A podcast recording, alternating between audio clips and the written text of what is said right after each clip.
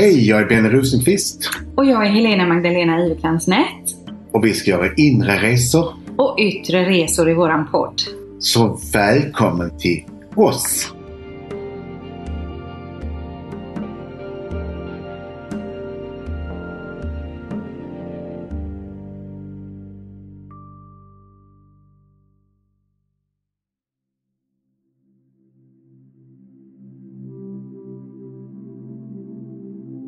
Så i detta avsnittet Benny så har vi sagt att vi ska prata om det här med inre resor.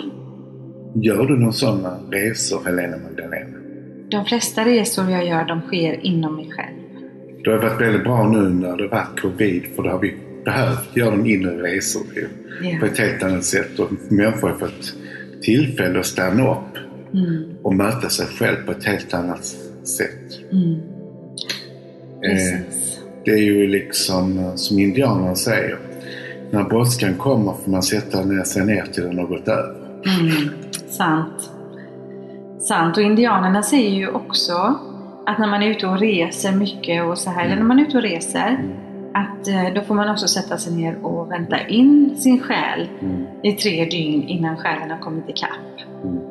Och nu har vi inte haft så mycket yttre resor det senaste året, men vi är ju två personer som alltid har ägnat oss åt även de inre resorna som vi ska prata om i det här programmet. Det är spännande. Och eh, det gör vi egentligen mycket mer än vad vi alla vet. Vi håller på väldigt mycket med inre resor. I våra drömmar och våra visioner om framtiden. Och sen meditation som jag och du håller på med. Det är ju verkligen inre resor. Mm. Och det är så underbart spännande. Dels för egen del, men också möta andra människor som verkligen börjar utforska sig själv och sitt inre, sitt själsliga jag på olika sätt och är i, i personlig och andlig utveckling. Det är väldigt, väldigt spännande. Absolut. Alla finnar som vi säger. Mm. Det finns en butik i Malmö som heter Sök och finn. Mm. Man söker så finner man. Mm. Så det är fantastiskt med de människorna som har fått tillfälle nu att finna sin andlighet på ett nytt sätt och insett att eh, det sökande de har gjort har gett resultat äntligen. Mm. Jag kan själv känna att jag kanske har lagt ner mycket på andra sökande men har faktiskt haft tid till mitt eget inre resande och ställa om saker och faktiskt gjort en form av transformation den här tiden när, Mm. när vi har haft den här ett och ett halvt året. Ja, jag har också fått möjlighet till det och för mig så kändes det väldigt värdefullt för 2019 så längtade jag hem. Jag hade rest otroligt mycket under flera år. Kanske bara varit hemma tio dagar och så iväg igen och iväg igen. Så jag hade, en, jag hade en längtan efter att få möjlighet att stanna upp och djupna med mig själv och så här. Och det, jag känner också att det har hänt mycket det här året när jag har fått möjlighet till det. Så det är egentligen du som har bett om att hela världen skulle det. För man ska vara försiktig vad man önskar. För ber man om det så får man det. Precis, ja, jag fick verkligen stanna hemma i alla fall. Ja. Eh, det, fick jag, det fick jag göra. Eh, och ändå under den här tiden att det också har varit så fint att kunna i lite mindre sammanhang då mötas i olika meditationscirklar och annat. Eh, som ju också betyder väldigt, väldigt mycket. Så det det är ju roligt nu att vi har hemestrat. Vi har liksom inte bara varit hemma och semestrat. Vi har haft en semester i vårt inre också tycker jag. Som meditatör så har man ju den stunden att man gör den inre resan och möter ett inre lugn och man får energi via meditation. Mm. Så någonstans är det ju ett sätt att faktiskt eh, eh, få nya insikter. Jag har fått utbildning via andevärlden när jag mediterat. Så det har varit gratisutbildning för när jag som sjuåring Mm. började medialt. Framförallt som nioåring börjat lära mig meditera så var det precis som att Mm. då fick jag kursverksamheten, den himmelska. Mm. För då utvecklade guiderna mig till min mediala gåva. Step by step Mm. via meditationen fick jag till mig Mm. insikter om hur min gåva skulle användas. Och få till mig om eh, saker som skulle ske i mitt liv. Mm. Så ser min historia också ut. Att jag har guidats i mitt andliga uppdrag genom livet. Och även detta sista året har varit mycket, mycket guidning. Mycket kanalisering. Så jag har skrivit mycket under den här, den här tiden.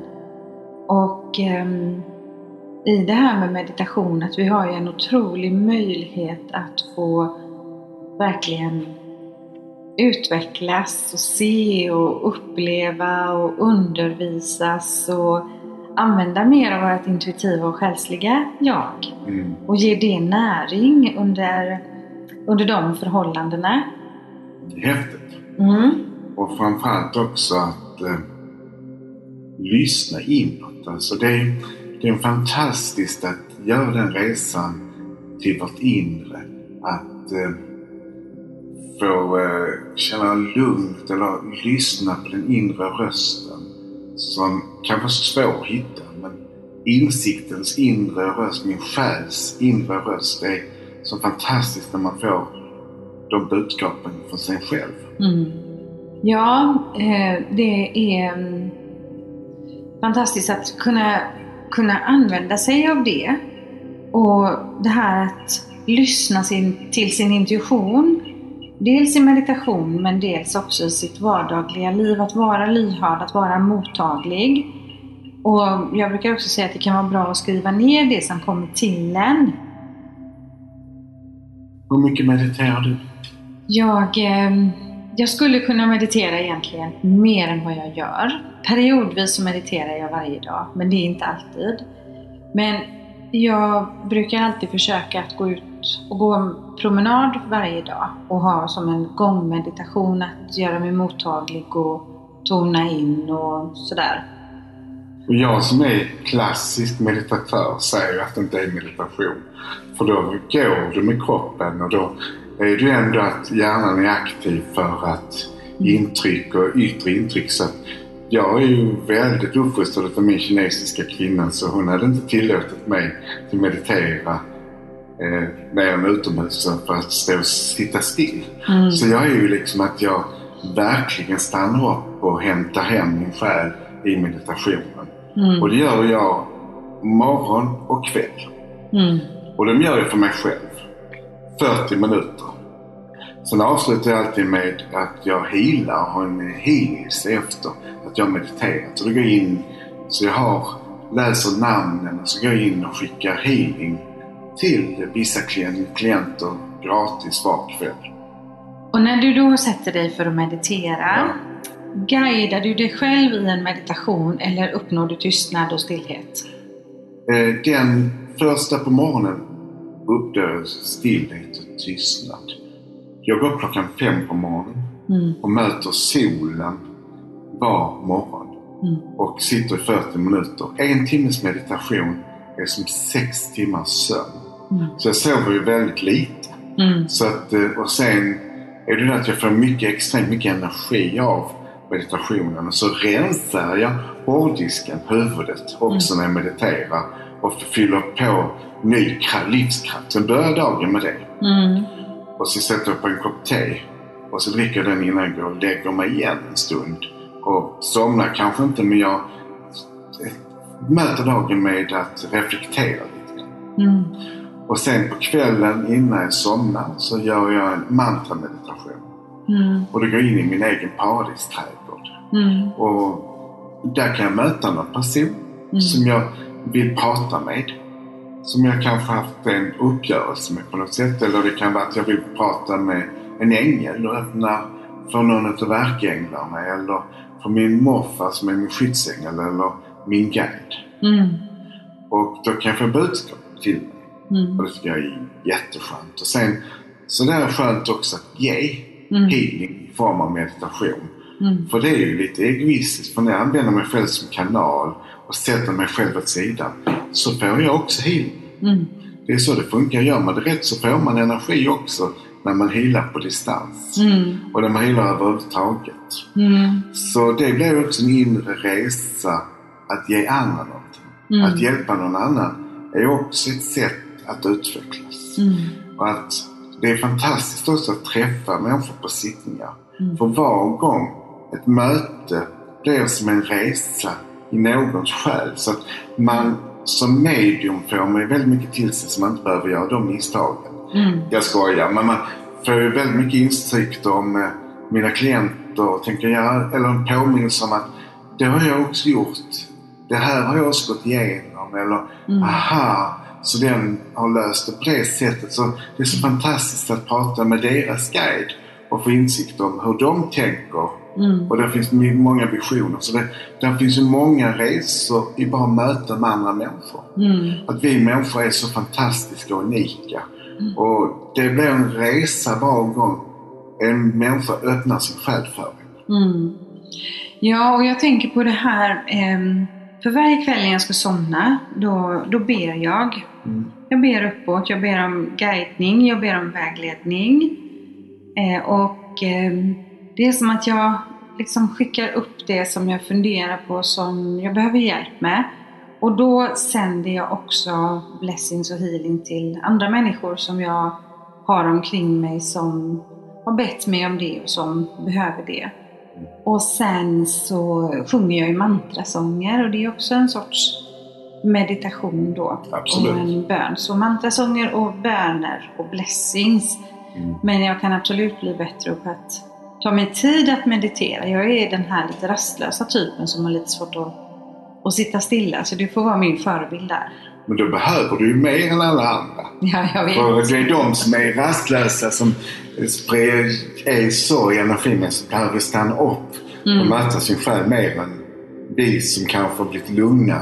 Så jag är som en gammal mm, tibetansk munk som har suttit så många år och mediterat. Så Mm. jag kan ju sitta en hel helg ibland och meditera fredag morgon till fredag kväll och dricka bara lite vatten och så sitter jag ett par timmar till. Mm. Och så likadant på lördagen och söndagen så har jag det som ett meditationsbar. Och så skriver jag upptagen med mig själv. Mm. Och då behöver jag göra sådana här djupmeditationer. Eller om jag ska göra en bok så kan jag göra det för att kanalisera. Att sitta bara i meditation. Mm. Och sen är det precis som sätter jag mig att skriva så är det precis som pennan bara går till sig själv. Mm. Ja, ehm, när jag är utomlands då, när jag är i Grekland lite längre perioder. Vi kommer ju prata om yttre resor Ja. Mm. i ett annat avsnitt sen. Eh, där finner jag ro. Där mediterar jag mycket. Och då mediterar jag gärna stående ute i vattnet. Och kan stå där länge och meditera i balans med alla element. Och jag sitter också mycket på stranden och mediterar. Mm. Och när jag har mediterat så skriver jag också. Och det blir som kanaliserat. Det går ofta väldigt, väldigt snabbt och väldigt kraft i det som skrivs ner. Men jag tänker det att för mig då, våra härliga lyssnare, så kan vi inspireras här nu till att hitta tillbaks i- eller framåt i sin egen meditation. För det har ju fantastiska hälsofördelar att meditera. Mm, absolut. Mm. Du kan sänka blodtrycket och du kan alltså få bort eh, fobier Mm. via att gå djupare in och du kan också få eh, kontakt med känslor. Om du har haft ångest till exempel så kan du bli av med dem. Mm. Så det någonstans, och andningen har också en förmåga för oss att, att faktiskt ge frid på något sätt. Och som vi vet så är ju egentligen meditation en form av bön också. Så det är ju connection med universum Mm. och den gudomliga kraften eller vad vi nu vill kalla det för. Mm. Men det är ju en, att man känner att man är en del av en större, något större och att man är faktiskt gudomlig. Mm. Ja, vi är alla, vi är alla gudomliga och har det gudomliga ljuset inom oss som vi kopplar upp då också när vi mediterar och ber och kanaliserar och så här. Lite olika. Sen är ju intuitionen också en form av en inre resa som kommunicerar till oss. Och jag brukar kalla det för ungefär som att jag gör en resa. Så idag när jag körde hit till dig till Onsala så är det GPS. Och det känns som min guide använder min intuition som en vägvisare. Just nu är du på fel väg. Mm. Vänd tillbaka så kommer du rätt igen. Eller så sa den, den här vägen tar lite längre tid men du kommer få större insikter. Nu ska du bara åka rakt fram och du ska utvecklas nu genom att vara här stilla och lugn så kommer du komma fram till något större. Så bara ta det lugnt och luta dig tillbaks. Säkert kommer du få en stor upplevelse och det är en transformation. Så någonstans den intuitionen, den guidningen man får intuitivt är ju också fantastisk. Mm. Oh ja. Tror du det är skillnad på en manlig intuition och en kvinnlig intuition? Jag tror att vi hanterar vår intuition på olika sätt. Kvinnor och män. Inte alla. Alltså för det första så är intuitionen samma. Men vi uppfostras olika beroende på hur vi tillåts använda våra känslor. Mm. Så att till exempel ni kvinnor är ju mycket bättre på de mjuka värdena än vi män. Så att en man kan säga till exempel att jag känner att den här bilen är ett måndagsexemplar eller de här aktierna ska jag satsa på eller idag kommer jag vinna i golfen. Eller det är någonting som är fel på bilen så kan man använda intuitionen till det. Det är sällan en man säger att när kommer in över tröskeln här är goda energier i detta hemmet. Mm. Men sen kan ni kvinnor göra när ni kommer in genom tröskeln och känna Åh, här ska jag bo. Eller Mm. här är hemska, hemska känslor. Det är sällan en man säger att jag känner att det är någonting som händer mina barn. Mm. Det sa ofta en kvinna för de kan säga att någonting är på gång med mitt barn. Jag intuitivt känner att någonting har hänt. Mm. Ni vet när det har hänt. Eller det är sällan en man intuitivt känner på sig att deras kvinna är otrogen. Men det gör ni kvinnor ofta. Vi söker Mm. bevis för otrohet och vet det på något sätt. Men jag tror ändå att vi alla har både kvinnliga egenskaper och kan använda. Mm. Det så jag som man känner när min man är otrogen, har gjort det. Mm. Och jag har ju också känt när jag kom in över en tröskel och vilka goda energier här är. Vilka underbara, vil- vilken god energi denna människan har. Den här kan jag lita på. Eller den här bilen, Mm. den ska jag köpa för det är inget måndagsexemplar. Jag kan ingenting om motorn men jag kan känna att den är bra att köpa. Så vi är ju mycket rikare i våra inre insiktsfulla resor. Ja, och det är där som jag också känner att, för vi har ju vi har ju instinkt, Mm. alltså ren instinkt och det, vi har ju den här magkänslan, alltså Mm. instinkten. Det kommer en orm på golvet och vi drar upp benen. Det är ju instinkt. Mm. Och sen har vi ju intuitionen som är, är känsla. Eh, och jag har, jag har den känslan av att vi kanske redan när vi är små lär oss att hantera det på olika sätt. Och jag pratar ju mycket med mina, med mina tjejkompisar om det här med intuitionen. Jag känner på mig att det är si och så och sådär. Eh, Medan de männen jag har runt mig, de är mer direkta på något sätt. Det är en klarare tydlighet och kanske en blandning mellan mer intuition och instinkt på ett annat sätt om du förstår vad jag menar. Nej, det håller jag inte med.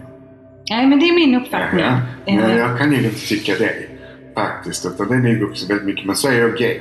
mm, Så att jag träffar ju kanske män som också är mjukare män.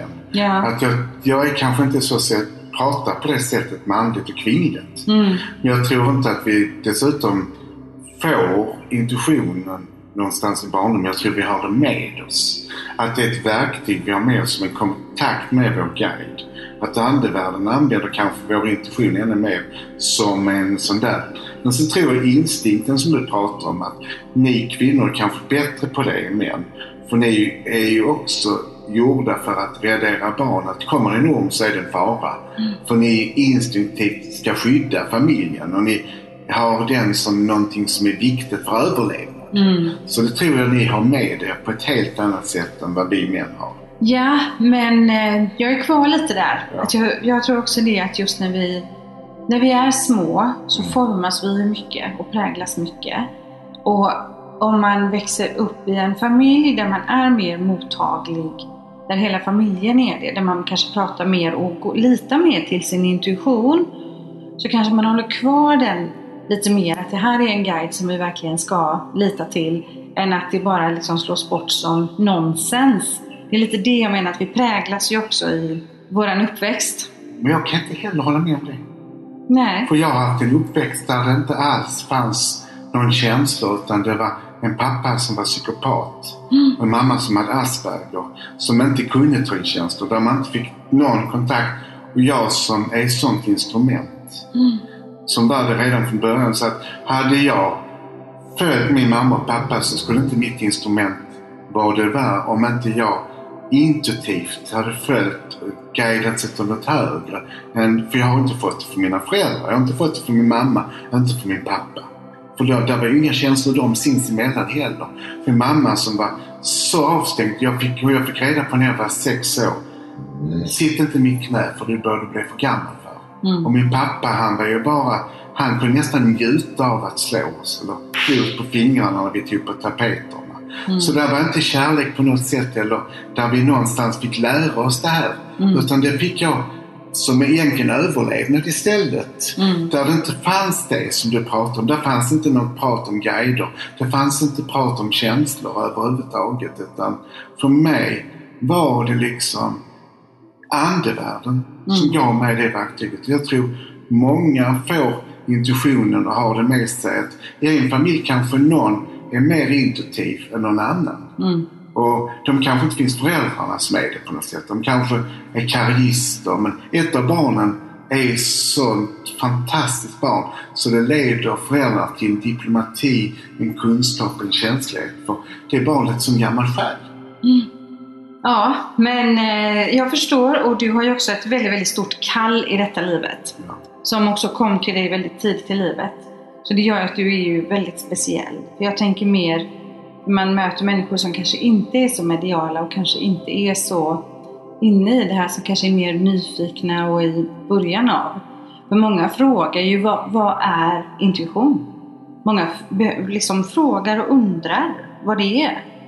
Och kanske inte alls har fått lära sig att det är någonting man kan lyssna till sitt inre. För det är ju många som söker och nu ser vi ju att andligheten kommer ju in fler och fler som vill hitta en större mening med livet och hitta mer sitt själsliga jag. Jag tror att det öppet blir fler nu. För jag kan tycka någonstans att eh, har nog, människan har nog alltid varit väldigt nyfiken. Men då har religionen kanske spelat in en roll och nu är det människors egna sökande som kommer in. Så att jag tror att det kanske är öppet för det spirituella, det andliga, det intuitionen. Att vi kan tillåts använda det på ett annat sätt men jag tror människor alltid har haft Jag tror att det var mer förr än vad det egentligen är nu. När vi levde närmare naturen, när vi levde ett annat liv, när vi levde liksom sammankopplade på ett helt annat sätt. Vi kommer ju, liksom vår historia eh, ifrån Sverige här om man säger, när man har levt som ett med naturen på ett helt annat sätt. Men så har ju inte de sista decennierna sett ut. Utan det har ju varit väldigt mycket framåt, prestation, tävla, leverera och bevisa. Och mycket mer speglat sig i resultat som ligger utanför dig själv än inom dig själv. Men det tror jag kommit nu när vi pratar från 60-talet när kapitalismen blev och det här eh, blev starkare. Men om vi pratar från min mormors tid och när de var barn så var det ju väldigt mycket annat också. Då var det ju kärlek till mamman och maten och beställa på ett annat sätt. Och morfar som var min gammelmorfar, hade var med att ta hem brödfödan så att säga. Att de jobbade mycket mer på känslorna ändå. Att det var inte så viktigt med prestationen som det blev sen för mina föräldrar. Där man skulle ha, jaga sommarstuga, man skulle jaga det yttre liksom. Att båda börja jobba och där barnen kanske inte var så viktiga. Mm, Att karriären blev viktigare, viktigare viktigare. mm, Och det är ju det som har varit så fantastiskt nu när vi har fått stanna upp. När vi kanske inte har kunnat gå till jobb och när vi får lyssna inåt och stanna upp igen och hämta hem vår själ. Mm. Att vi har behövt det. Och att Ja. vi har glömt bort mycket som vi egentligen haft med oss. Jag tror också som du säger att för att naturfolk, man träffar folk på Bali som är exempel, att de är duktiga på de inre resorna. mm, I Indien till exempel har man ju mediterat, för man är hinduist i 4-5 tusen år. Mm. Att det finns en del i kulturen på något sätt att lyssna inåt. Att vi har någonstans inte varit tillåtet att prata intuition eller prata de känslorna på något sätt. Att det börjar komma tillbaka. Utan det, det, det är huvudet som egentligen har varit viktigt och man kanske inte har pratat så mycket att vi har en själ ens en gång. Här. Så att, mm. Mm, och det som jag också tänker på, eh, för jag är med dig på det, att eh, det är ju de här sista, det, man pratar ju om det, 40-talisterna mycket och de, vad de har skapat och så. Fantastiskt. Mm. Men det som jag också har funderat mycket på genom åren, det är ju också det här att kyrkan, vi har inte den gemenskapen och bönen och stillheten och så som man tidigare då hade via kyrkan i sin religion. För vi har ju ett samhälle nu i Sverige som eh, vissa säger att det är väldigt ateistiskt, vilket jag också har trott tidigare, men nu har jag lärt mig bättre. Man tror, man plockar upp lite sin egen tro, men det är också många som hamnar utanför en gemenskap, en inre gemenskap tillsammans med andra människor i bön, i tro, i hopp. Som också har gjort att människor kanske känner sig ännu mer vilsna just nu. Eller både och. För det finns ju också de som har hittat mer sin inre själ med hjälp av yoga, meditation. Det finns ju två läger kan man säga egentligen så att säga, tycker jag nu. Där många, visst, många människor söker och många gör inte det kanske. Så jag tror det är både och faktiskt. Mm. Där kanske kyrkan också styrde oss människor till vad vi fick göra och inte fick lov att göra. Det kanske fanns också väldigt mycket förbud tack vare kyrkan och det är ju därför många har slutat gå i kyrkan. För det är någonstans är det ju glädjen som måste komma tillbaks Mm. till kyrkan som också finns där med musiken och sammanhållning som du pratar om. Som gör att människor längtar efter den andliga sammankomsten Mm. i någon form där samhörighetskänslan finns. Mm. Där vi utvecklas tillsammans. Tror jag. Ja, jag, jag tycker mig uppleva det. Ja. Jag upplever ofta att människor söker sin soul tribe, sina likasinnade, eh, gemenskapen, att få mötas tillsammans med, tillsammans med andra människor. Mm. Och det är ju inte så att ensam är stark utan vi, vi behöver ju varandra och få, få mötas i olika sammanhang såklart. Mm. Och där har vi också sett det här året nu som vi har fått genomleva. Att ensamheten har varit stor. Men att man också har getts möjlighet att möta människor på ett annat sätt Mm. nu. Och andra människor. Mm. Jag hör ofta det också att människor, när man säger Tror du på någonting? Nej. Men så när man frågar egentligen så tror du inte det finns någonting? Jo, någonting tror jag det finns.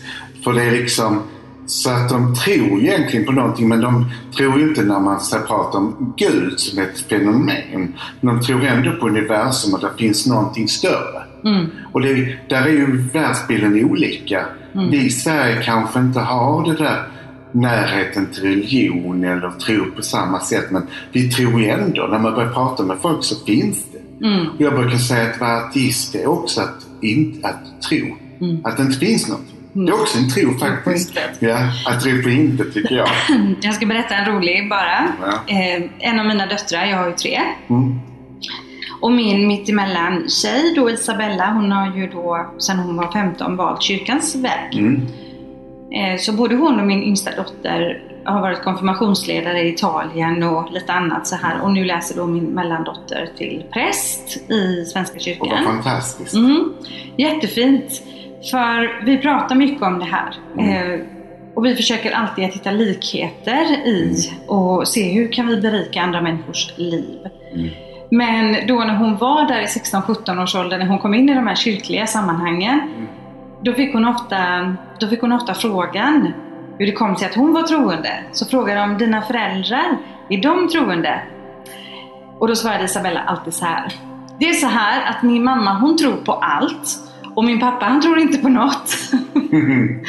det var verkligen så. Jag har alltid varit så öppen och tittat på olika så här och, och deras pappa slagit undan. Mm. Men det är jätteintressant. Hon läser till, till präst. Och ehm, man ser ju det i kyrkan att det sker ju även förändringar där nu. Det kommer in nya yngre krafter. Och meditationerna börjar komma in och man sjunger gospel Mm. i kyrkan och har körer på ett annat sätt. Musiken, samhörigheten, värmen börjar komma tillbaks. Mm, Som egentligen är det gudomliga tycker jag. Vi människor behöver varandra. Mm. Och, behöver, och där finns kontakten mellan varandra, varandras själar är ju gudomlig i sig själv som vi varit inne innan. Mm. Och det, ett möte, att möta en annan själ är Mm. fantastiskt. Att respektera varandras tro Mm. är fantastiskt. Och jag tycker det är någonstans att bara en människa tror är vackert tycker jag. Ja. Och jag respekterar den som inte tror men det är sällan de som inte tror accepterar mig. För de, vissa kan förlöjliga att man tror. Mm. Och det tycker jag, att ha en överlägsenhet i det. Ja. Jag tycker någonstans att man ska respektera varandra för vad vi är och vad vi vill. Ja. Så att säga. Det, är också det som jag brukar säga, det är inte rätt eller fel. Nej. Och jag tycker det är fantastiskt att vi har ett sånt mångkulturellt samhälle nu med olika religioner. Mm. Att det berikar ju. Att det tillför någonting till oss när vi har det här mångkulturella. Mm. Ja, och jag, jag står liksom i det att för mig så känns det som att vi behöver ha en tro. Mm. Vi behöver ha en tro. Sen om man tror på olika religioner eller man tror på stjärnor och planeter eller vad man tror på. Men vi behöver ju någonstans ha en, ha en tro. Ett hopp och en, någon att vända oss till uppe i de himmelska sfärerna på något sätt. Mm. Jag tycker det är väldigt, väldigt, väldigt fint. Och där kan man ju också se att människor som är öppna för en tro och sökare och så här. Det är ju en personlig utveckling. Att titta sig omkring och en själslig utveckling och se hur ser det ut, vad är det som finns och att var och en får hitta sitt. Bara det inte begränsar dig. Mm. Alltså att någonstans att det styr dig så det begränsar det tycker jag. Att fortsätt sök och Mm. nya vägar och begränsa dig inte för någon annans åsikt eller tro. Mm. Utan finn din inre röst i vad du känner är rätt och fel. Mm. Och eh, jag tycker att för förbud är det värsta som finns, eller skapa rädsla är det värsta som finns. Mm. Att det måste någonstans vara kärlek i det jag tror på. Och Mm. det är det viktigaste tycker jag. Mm. Och fortsätt tro på dig själv. Mm, precis.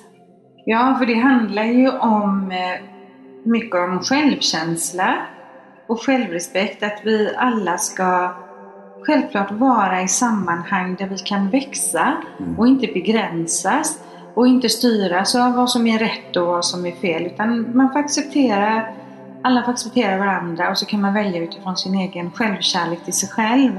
Att vara i en gemenskap där man, där man mår bra Mm. och där man får vara sig själv. Att ge kärlek till sig själv, kunna ge det till andra. Det är också en religion. Mm. Alltså någonstans, jag tycker det är så magiskt med det här mötet man och människor. Att det är för mig Mm. något fantastiskt att få se vad någon annan människa har för insikt. Att den har den åsikten och att man kan diskutera saker. För om man träffar en människa som tycker likadant hela tiden, Mm. då växer man inte. Men man, respekten för en annan människas åsikt. Att man står fast i saker, men man kan ändra sig. Mm. Och om man känner att, ja, men ena veckan så tyckte vi så, men man har rätten i sitt växande att förändras. Tycker, idag tycker jag så här att jag har fått insikt om att detta är rätt nu. Mm. Så det är också viktigt tycker jag att man är i en förändring och den utveckling man får. Det finns väl ett ordspråk som säger att döm inte en människa om du inte har gått 10 000 mil i dess mockasiner. Mm. Eh, och att bemöta andra människor så. Mm. Att var och, en har, var och en har sitt och man möter liksom i, i respekt. Och vi kommer ju ha ett program också sen lite mer om yttre resor för vi har varit Mm. ute och, och rest och mött människor i andra, andra kulturer. Mm. Och eh, det är ju när man är lite open-minded, när man är öppensinnad, när man är nyfiken och, och närmar sig saker och ting med nyfikenhet som också kan berika ens egen inre livsfilosofi och tro. Och då gör man en resa med var insikt Mm, i sin själ. mm, Och den, när den växer så känns det precis som att den inte förminskas utan den blir större. Mm. Och det, när du, den blir större så får du en annan självkänsla, du får annat självförtroende. Mm. Så någonstans kunskap, insikt och kärlek Mm. gör att ditt växande blir mer kontaktbar med ditt inre. Ja, och att känna efter där i sin intuition. Vad känns sant för mig? Mm. Och att våga stå i sin sanning. Mm. För det har vi ju fått göra genom livet också som medium då i olika, i olika sammanhang. Mm. Ehm, Man får erfarenheter och jag hade själv en sån här dust med, med kyrkan faktiskt. Blev uthängd av kyrkan väldigt illa när jag var 25 av en pastor. Och det gjorde mig så sårad att man liksom hänger ut en ung tjej 25 år gammal så långt ifrån kärlek och ljus och vackra budskap ifrån en kyrka. Det var inte Svenska kyrkan kan jag säga. Mm. Jag fick lära mig väldigt mycket av den händelsen och ödmjukheten i det. Att vem kan säga vad som är rätt och vad som är fel?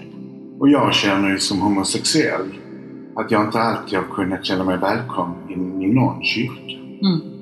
Så jag känner någonstans att jag tror att Gud har gjort mig så här att jag måste vara välkommen i hans hus som jag är Mm. gay. Eller jag, att jag väljer en kille istället för en tjej. Mm. Att det är kärlek, att det måste vara lika vackert som Mm. och att någonstans kärleken måste vara viktigast. Att jag måste bli vara välkommen i hans hus då. Ja. För mig är det så självklart, det är så grundläggande att kärlek är det allra högsta. Och kärlek emellan själar oavsett den fysiska kroppen, det har ju ingenting med vare sig kyrka eller tro eller religion eller någonting att göra överhuvudtaget. Allas lika värde. Ja. Och att inte glömma bort det själv. För ibland får man lägga märke till, åh gud, här hade jag en fördom. Mm. Alltså, det är så hemskt när man tror att man är fördomsfull och så får man en insikt i sig själv att Mm. så då gör man ett upptäckt att vad tänkte jag där? Ja. Hur kan jag vara så inskränkt? Mm. Och det är ju fantastiskt och det är ett växande när jag inser att jag har en tanke som kanske inte var så bra. Att man kan förändras och ge kärlek till den och förändras. Mm. Ja, och att den här öppenheten. När människor är trygga, Mm. lever i sina hjärtan, så kan man också ha en öppenhet för det som är likasinnat, men också det som är olikasinnat. Och jag läste för länge sedan, jag tror att det var Louise L. Hay, som ju var en stor, fantastisk andlig ledare, en underbar kvinna. Att vad är det som är perfekt då? Och vem har bestämt det? Jag tycker det är så viktig fråga. Det, det finns inga svar, det finns ingen mall att följa. Mm, Jag brukar alltid säga att den perfekta människan är inte född ännu för vi, Gud håller fortfarande på att skapa. Ja, precis. så att det är det som är så skönt när man tänker en dag när man inte känner sig så perfekt att ja, jag är fortfarande på väg att Mm. bli perfektad. Ja. Att jag är en resa i mitt inre så att jag får nya insikter så att jag skapar någonting större. Mm, Men jag är här för att jag ska lära mig någonting för att bli perfektare. mm. Och perfekt kanske jag aldrig blir i detta livet. Nej. Men det är så fint att ha den ödmjukheten att Mm. vi är, jag ser själv livet som en otroligt spännande resa. Mm. Och vi kan lära oss, varje dag kan vi lära oss nya saker. I varje möte med varje människa så ligger det så mycket lärdomar. Mm. Och det är upp till oss att fånga de möjligheterna och verkligen leva vårt liv som att det är en oerhört spännande resa. Och ska man göra det så, så får man ju vara också öppen. För tror man att man har allting klart och att man vet allting, då är man ju inte heller så mottaglig för ett fortsatt lärande och utvecklande genom livet. Det är som man tänker ibland med de människor man får en konflikt med. Mm. Det är någonting som man egentligen behöver lära sig att se myntet på ett annat sätt. Mm. Att det är fantastiskt när man kommer i en konflikt. För det här är en läromästare brukar jag säga. Om man kommer i trångmål med en granne till exempel om någonting så är det här är någonting som jag behöver min ödmjukhet titta för en annan människas seende. Mm. Så därför är det så fantastiskt med läromästarna som blir skickade utav livet. Ja. De som vill, aha, det var någonting jag skulle lära mig. Ja. Gud, här fick jag kunskap av den här medmänniskan. Och, det är när det, och det är oftast precis när det händer, tänker man inte på det, men efter ett tag, tag när man har fått perspektiv tänker man Ah, man kan se det på det sättet också. Mm, verkligen. Mm. Andra kan vara bara budbärare för våra egna grejer som vi behöver bearbeta och, och komma fram till. Mm. Och det är ju då som vi också kan fortsätta att lära oss att transformeras och se en större mening i det som sker och det som har skett och bli fria och kunna släppa taget från gamla oförrätter och konflikter och annat som vi, som vi alla är med om. För det är vi ju. Sen är ju det är också fantastiskt med de människorna som vill ge en utveckling. Som vågar säga att du Benny, det här är ingen bra sida du har.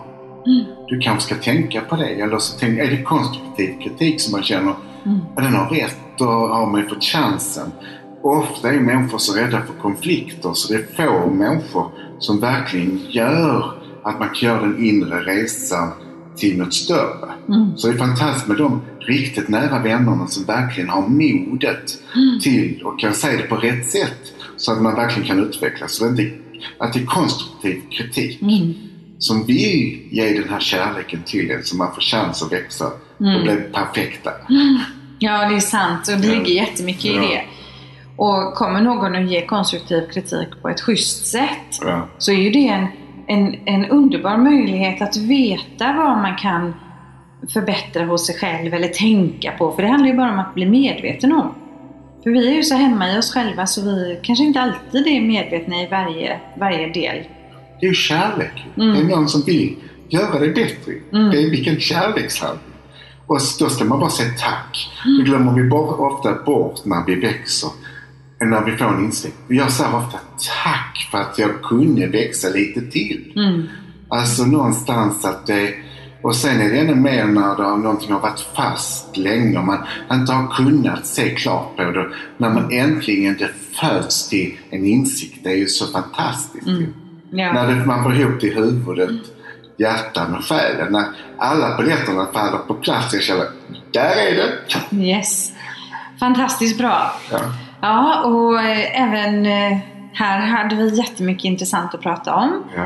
Och vi ska börja avrunda det här avsnittet Ja. nu.